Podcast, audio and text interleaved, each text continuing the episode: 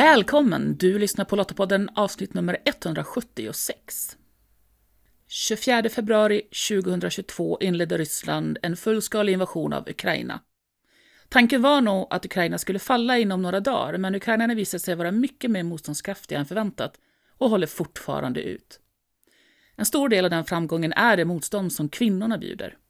I krig och konflikter så vet vi att det är kvinnor och barn som oftast är de som är mest utsatta och fortfarande så används sexuellt våld som vapen för att skapa rädsla och paralysera ett samhälle. Och även i kriget i Ukraina så begås de här hemska brotten. Trots det så bjuder kvinnorna motstånd och kämpar för sitt land och sin demokrati. Jag som pratar heter Maria Öst och i det här avsnittet så samtalade jag med Lisa Bjurvald som i sin reportagebok Slava Ukraini berättar om de ukrainska kvinnornas motstånd. Lottapodden den är producerad av Svenska Lottakåren och vi är en frivillig försvarsorganisation som engagerar och utbildar kvinnor som vill göra skillnad i vardag, kris och krig för att stärka samhällets beredskap och totalförsvaret. Häng med in i samtalet med Lisa så får du veta hur kvinnorna gör motstånd och hur du kan bidra till att stötta deras kamp. Lisa, eh, välkommen till Lottapodden. Stort tack! Jag tänker bara så att lyssnarna vet vem de lyssnar på. Vem är mm. du? Ja, vem är jag? Jag är journalist och författare sedan många år tillbaka. Och jag är också särskilt engagerad i just kvinnors rättigheter och utsatthet och har skrivit mycket om det genom åren, bland annat om förlossningskris och nu senast då om Ukrainas kvinnor under Rysslands krig. Och varför journalist och just kopplingen då mot kvinnors rättigheter? Ja, alltså det börjar väl mer eller mindre eh, spontant tänkte jag säga att jag har lockats av just det här att man ger utsatta människor och marginaliserade frågor en röst som journalist. Jag tycker att det är mycket mer spännande och mer drivet i själva journalistiken än att kanske intervjua företagsledare och, och liknande. Mm. Eh, utan man hjälper till att ge utsatta en röst. Men det behöver inte nödvändigtvis vara folk som lever i utsatthet, utan det kan också vara men frågor som är marginaliserade. Jag har tidigare skrivit om polismän som begår övergrepp till exempel och där behöver varken eh, förövarna eller de utsatta alls vara eh, liksom i någon utsatt del av samhället. Mm. Men det är underbevakat det är fortfarande så att journalistiken är väldigt eh, mansdominerad och också dominerad av manliga synsätt. Så, så det har jag jobbat ganska mycket med medvetet. Mm. Um, och sen är Lotta också. Ja, men just det, det får vi ju inte glömma. Det är ju jätteroligt. Nej, precis. nu har jag bara hunnit lyssna till mig själv eftersom jag bara varit Lotta i några veckor. Men förhoppningsvis ska jag ju också träffa andra medlemmar, lyssna till andra föredrag eh, och vara med här. Och jag ser extra mycket fram emot att Lottakåren fyller 100 år nästa år. Det känns ju Precis. jättekul att vara med på. Ja, men mm. verkligen. Du är ju aktuell nu med en bok, just precis som du nämnde, kopplat till eh, Ukraina och kvinnornas motståndskamp. Eh, berätta lite om den och hur den kom till. Jo men absolut. När Ryssland eh, begick, tänkte jag säga, eller vad vi nu ska använda för term, sin fullskaliga invasion då i februari 2022, så förändrade ju det väldigt mycket omvärldsläget också för Sverige, säkerhets och försvarspolitik som jag är mycket intresserad av och har skrivit mycket om. Men det som framförallt slog mig var ju att vad kommer hända med kvinnorna? För att vi vet att även i moderna konflikter så är kvinnor särskilt utsatta för till exempel sexuella övergrepp eh, av främmande soldater, också i viss mån av sina egna. Man, man hamnar i en väldigt utsatt situation. Man ska fly, ibland om man har små barn med dem, annars helt ensam till länder där man ofta inte ens har satt en fot tidigare. Och det finns också stor risk för trafficking. Så jag visste att det, det fanns liksom en, en hel, ett helt spektrum av otäcka hot och scenarier som troligtvis nu skulle bli verklighet för Ukrainas kvinnor. Så jag började ganska snart åka ner mm. dit och skriva artiklar om det här. Och, och sen tog det ju bara någon månad innan jag hade så mycket material att jag insåg att det här måste ju bli en bok. Och om... det är speciellt ska man säga också med, med krig och konflikter. Därför att då blir det ju ännu viktigare på något sätt att också kunna ge ut det i bokform. För att artiklar, ja man kan ju få jättestort genomslag för, för en bra artikelserie eller reportage. Men tiden går ju vidare. Mm. Och det här är ju liksom historiska vittnesmål som måste sparas. Jag tänker att mina döttrar eh, lär sig om historien. Vad hände? Vad gjorde mm. Ryssland mot Ukraina? Och då är det ju i bokform där, där ord lever för evigt på ett helt annat sätt. Så, mm. så det var väldigt viktigt för mig. Och ska vi bara sätta lite kontext då kring, tänker jag, det här med sexuellt våld. Mm. Eh, för eh, det är ju någonting som vi vet pågår eh, i Ukraina eh, och har liksom pågått i, i många av de konflikter vi har sett under, under lång tid. Men, men som kanske inte är så jättesynligt för den breda allmänheten och kanske finns en missuppfattning om att men sånt där händer inte längre i en modern värld. Nej, så är det ju verkligen. Eh, tyvärr ska sägas, därför att det bidrar ju till det här stigmat och skuldbeläggandet som finns kring just det här brottet och som också gör det till ett unikt brott bland krigsbrott på så sätt att offret själv eh, tar på sig skulden. Eh, man tänker att ja, men det var mitt fel. Och, och, faktiskt är det ju så att även om man själv inte tänker det så finns det fortfarande strukturer i, i övrigt moderna länder eh, som gör då att samhället, familjen, män i ens närhet eller kvinnor också tyvärr för den delen skuldbelägger offret och säger att hon gjorde så här, hon har gett vår by eller vår lilla stad här dåligt rykte genom mm. att bjuda ut sig till fienden. Det förekommer trots att Ukraina, jag menar åker man ner, det var ju något som förvånade mig i början. Jag hade bara varit fram och tillbaka i Ukraina på någon sån journalistkonferens tidigare. Men att man bara flyger ner till Polen tar två timmar, sen tar du tåget över gränsen, sen är du där. Så att man ska komma ihåg att det här ligger ju geografiskt också nära oss i mm. Sverige. Eh, men ändå använder man alltså våldtäkt och andra sexuella övergrepp som ett verktyg i krig för att det är så effektivt. Inte bara för att offret själv ofta tar på sig skulden, eh, men också därför att det är mer tabubelagt och många, många, eh, inte minst mansledda eller mansdominerade regeringar tycker att men det där är väl ingenting. Mm. Det är ingenting vi ska fokusera på när kriget pågår.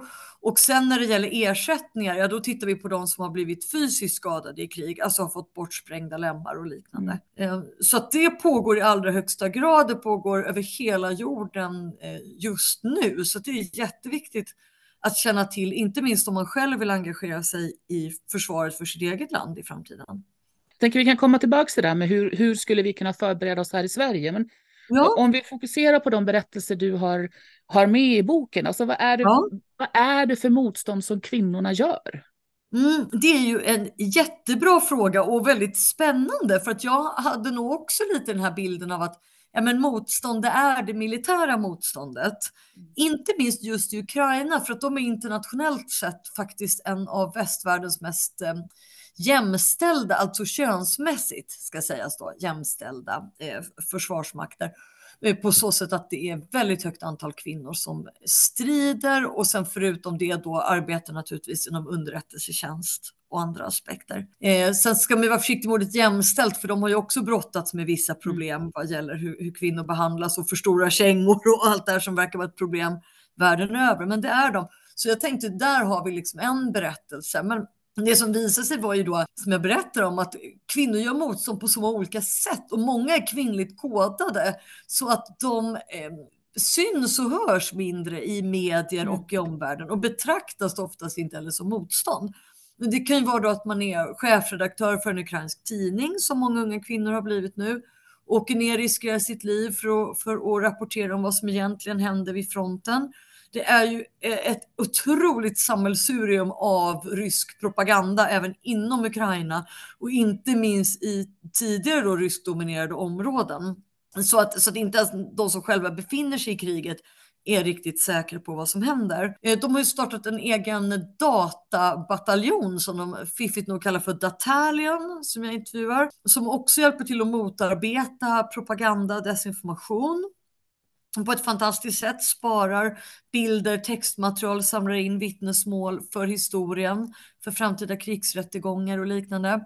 Och man leder demonstrationer över hela världen, inte minst i väldigt många olika svenska städer, allt från Helsingborg, Stockholm, Göteborg, Västerås och så vidare.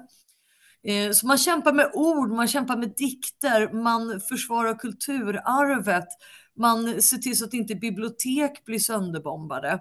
Man jobbar med att eh, stoppa ryssarna från att appropriera som det heter, alltså liksom stjäla eh, och kalla ukrainsk konst och kultur för sin. Mm. Så, så, att man arbetar på en så enormt stor mängd eh, olika fronter. Som, ja, man är så otroligt aktiv, så det, det, har varit väldigt häftigt och framförallt imponerande att se och lyssna till. Mm. Och de här bilderna, eh, precis som du sa, så de har ju inte varit speciellt tydliga media, tänker jag, utan det har varit väldigt mycket. Nu har det bombats här, nu har man tagit eh, lite framgång där och kanske lite bak, bakslag här.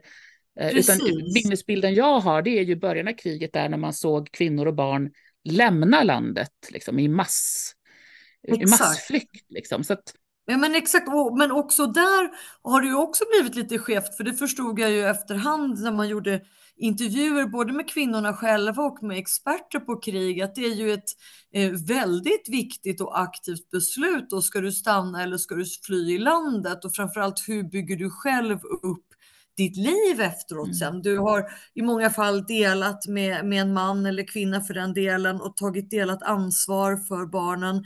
Och plötsligt står du där som eh, den enda försörjaren, den enda personen som bestämmer. Mm. Ska vi till Rumänien, Tyskland, kanske Sverige, Finland eller ska vi stanna hos mina föräldrar eller svärföräldrar på den ukrainska landsbygden? Mm. Så också det här flyktbeslutet har ju skildrats väldigt mycket som att de är passiva vantar för vinden mm. på något sätt och det visar ju verkligen när man talar med dem att det inte är det är ett livsavgörande beslut som kommer påverka dem och deras barn för resten mm. av livet i princip.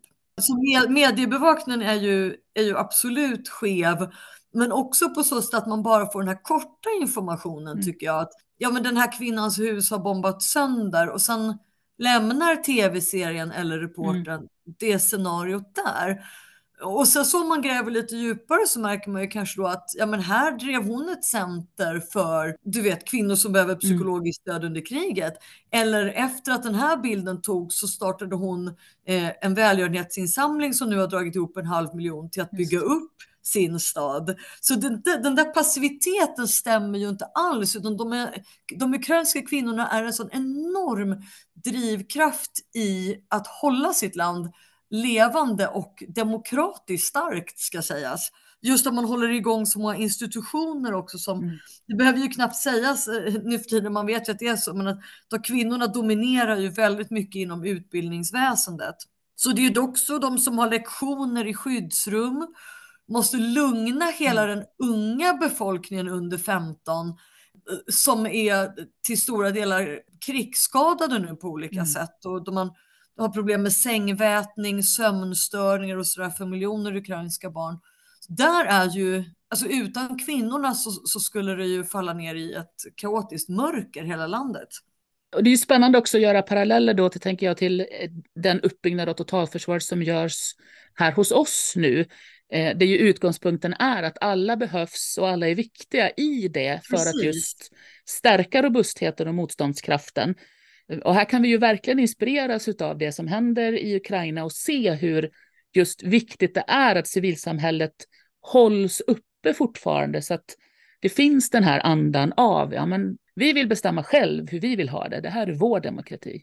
Precis, och det är ju det här som är så viktigt också. Att precis när man får den här bilden av att ja, men de som försvarar landet, försvar är lika med ett gevär över axeln. Mm. Och sen ska det också där tilläggas att jag har ju intervjuat sådana som helt normala unga kvinnliga politiker som aldrig har varit i närheten av, som de sa, kanske varit i närheten en kökskniv då möjligtvis i vapen. Eh, folk som plötsligt ska lära sig hur man hanterar en kalasjnikov, gå med, gå runt, patrullera sitt, eh, sitt kvarter på nätterna. Naturligtvis finns den biten också, men att försvara ett samhälle och hålla igång det handlar om allt det här hur rullar tågen? Vem mm. undervisar barnen? Vem tar med barnen till skyddsrummet när det sprängs och ser till att de inte eh, sitter där och får fullständig panik? Eh, vem ser till så att en hel generation får den traumahjälp de behöver? För kvinnor dominerar också i psykologyrket, både för mm. barn och vuxnas vård.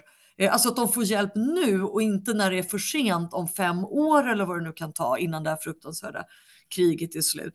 Eh, så att man, man ser det här, hur många olika komponenter det behövs. Och lite komiskt är det ju ändå att vissa experter menar att anledningen till att Ukraina har hunnit, eh, kunnat hålla ställningarna så länge är för att Putin helt enkelt inte räknade med de ukrainska kvinnorna, varken i civilförsvaret eller som soldater. Därför att den ryska eh, militären är ju helt mansdominerad, alltså 100% män. Eh, och han leder ju en väldigt chauvinistisk eh, regim som bland annat har gjort det lagligt att misshandla sin fru och sina barn till exempel. Mm. Alltså en direkt eh, kvinnofientlig regim.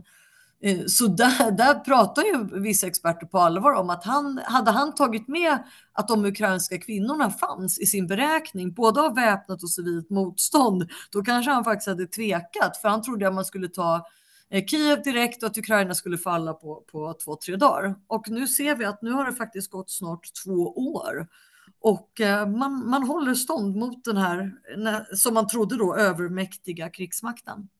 Om vi kommer tillbaka till den här frågan kring just eh, hur, hur tar vi hand om kvinnor som blir utsatta eh, för till exempel sexuellt våld och, och vi mm. funderar på, ja men okej, om det nu skulle hända hos oss här i Sverige, att vi blir mm. anfallna och vi hamnar i krig, mm. så måste vi ändå någonstans försöka förstå att vi hoppas ju att det här inte ska hända, men eftersom vi ser att det händer i konflikt efter konflikt så får vi nog räkna med att det tyvärr kan även drabba eh, oss i Sverige då.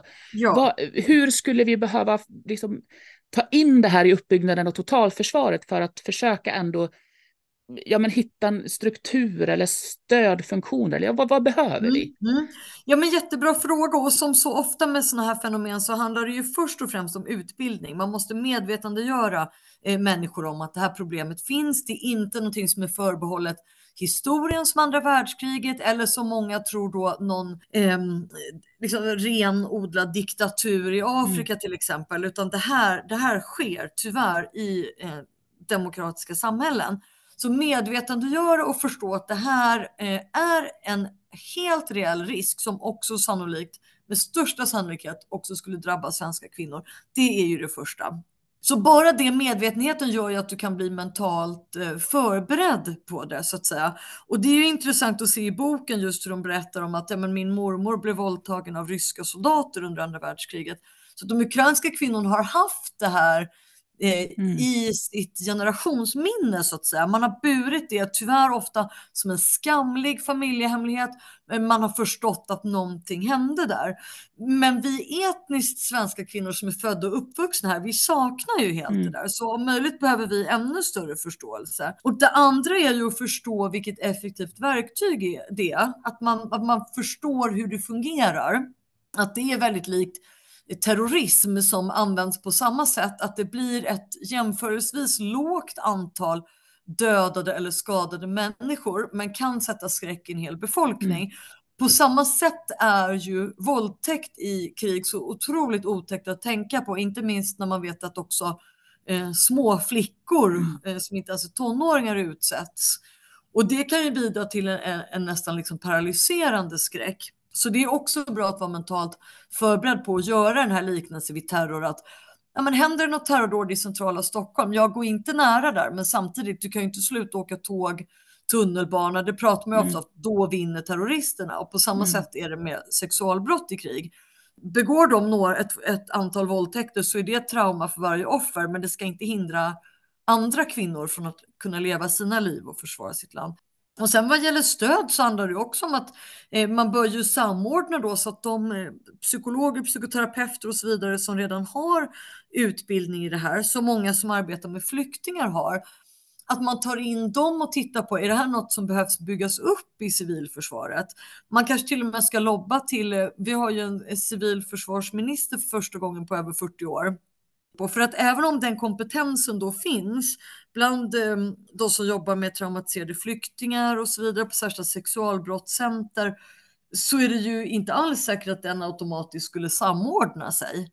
Så där, där, måste vi ju sätta eh, några rutiner så att det då skulle ingå i ett annat sådant centrum för fysiskt krigsskadade till exempel.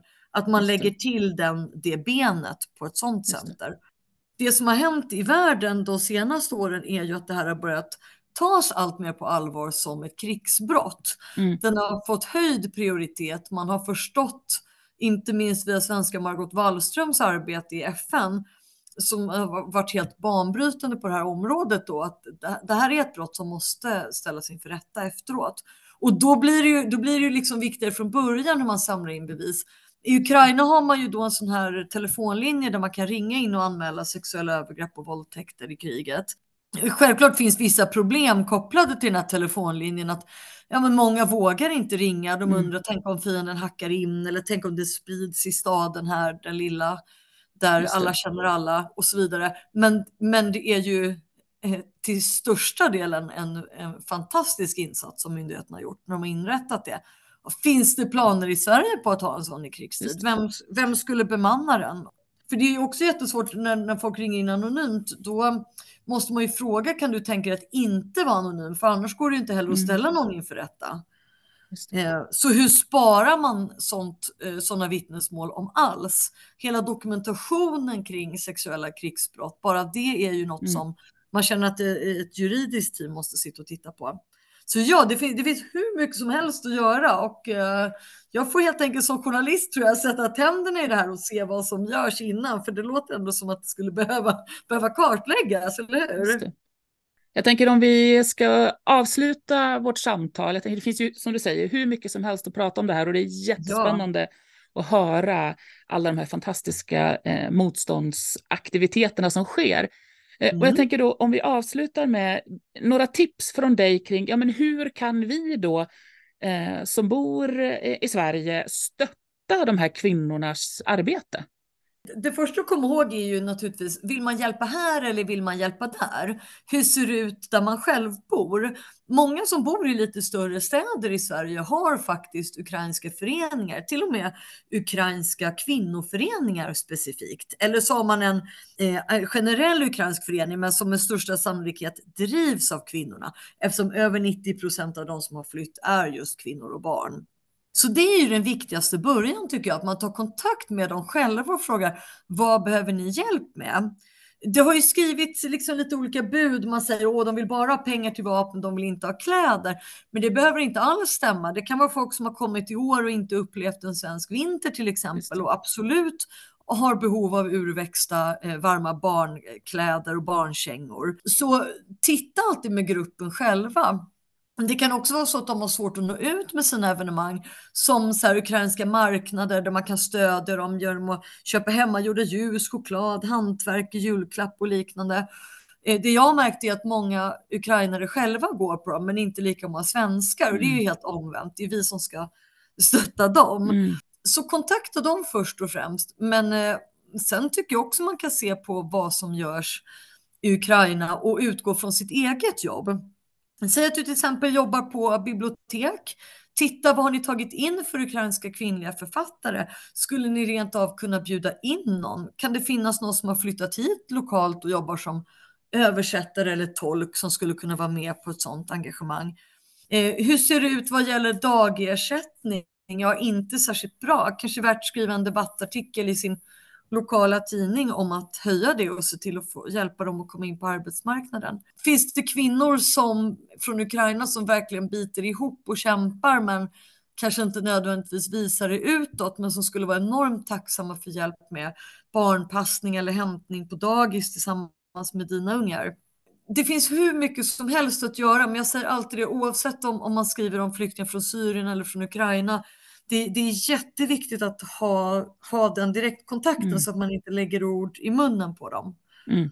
Och sen är det ju allmänt så att det viktigaste och bästa sättet att börja hjälpa någon, det är ju att, fortbilda sig. Det är ju mm. att försöka förstå, eh, läsa, gå in och läs i Kiev Independent eller Kiev Post, båda är på engelska. Läs om vad som försiggår i Ukraina och fundera på, är det här något jag skulle kunna förbereda Sverige för, kanske som möjlig Lotta då? Eller är det någonting som jag skulle vilja skicka pengar till där?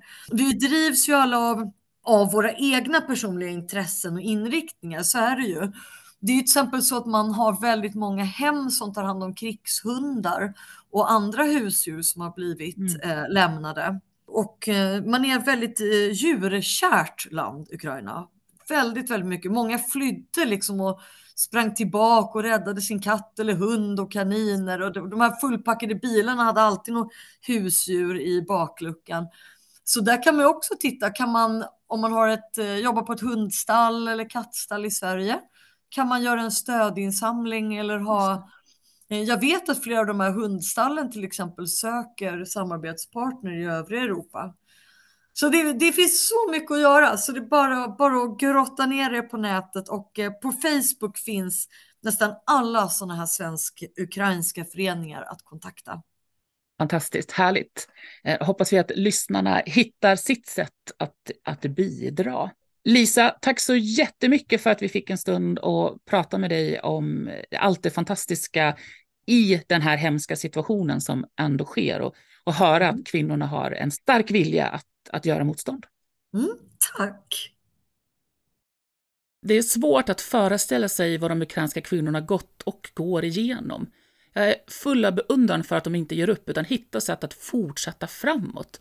Jag blir otroligt inspirerad av deras berättelser, men det väcker också tankar kring, ja men om det var här i Sverige och det här skedde, vad, vad skulle vi göra då? Hur skulle det fungera här? Jag hoppas också att du tar till dig något av de tips som Lisa gav kring hur du kan stötta kvinnorna. Och jag vill ge ett tips till. Svenska Lottakåren samlar genom vår kampanj Ögat hjälp oss att se in medel till stöd för kvinnorna i Ukraina genom att sälja Ögat-nålen. Och medlen går till organisationen Women's Perspective och förmedlas via Kvinna till Kvinna. Genom att eh, köpa och bära ögat så hjälper du oss att sätta ljuset på sexuellt våld som vapen i krig och konflikter och bidrar då som sagt också med stöd till de kvinnor som drabbas av kriget i Ukraina. Lästips relaterat till det vi samtalat om i det här avsnittet och information om Ögat-kampanjen, det hittar du på lottapodden.se. Och om du, precis som Svenska Lottakåren, tycker att fred, demokrati och mänskliga rättigheter är värda att försvara och du vill vara med och göra skillnad för vårt samhälles beredskap och totalförsvar, ja, men då ska du gå till svenskalottakåren.se. Där hittar du information om hur just du kan göra skillnad. Nästa avsnitt av Lottapodden det kan du lyssna på den 9 november. Om du inte redan gör det, klicka på prenumerera-knappen i din poddapp så säkerställer du att du får nästa avsnitt direkt när det släpps och du riskerar inte att missa någonting. Du har säkert flera i din närhet som skulle vara intresserade av det här avsnittet. Dela det gärna vidare till dem. Och lämna gärna en recension i din poddapp så att du hjälper fler att hitta till Lottapodden. Och tack för att du lyssnar. Hej så länge!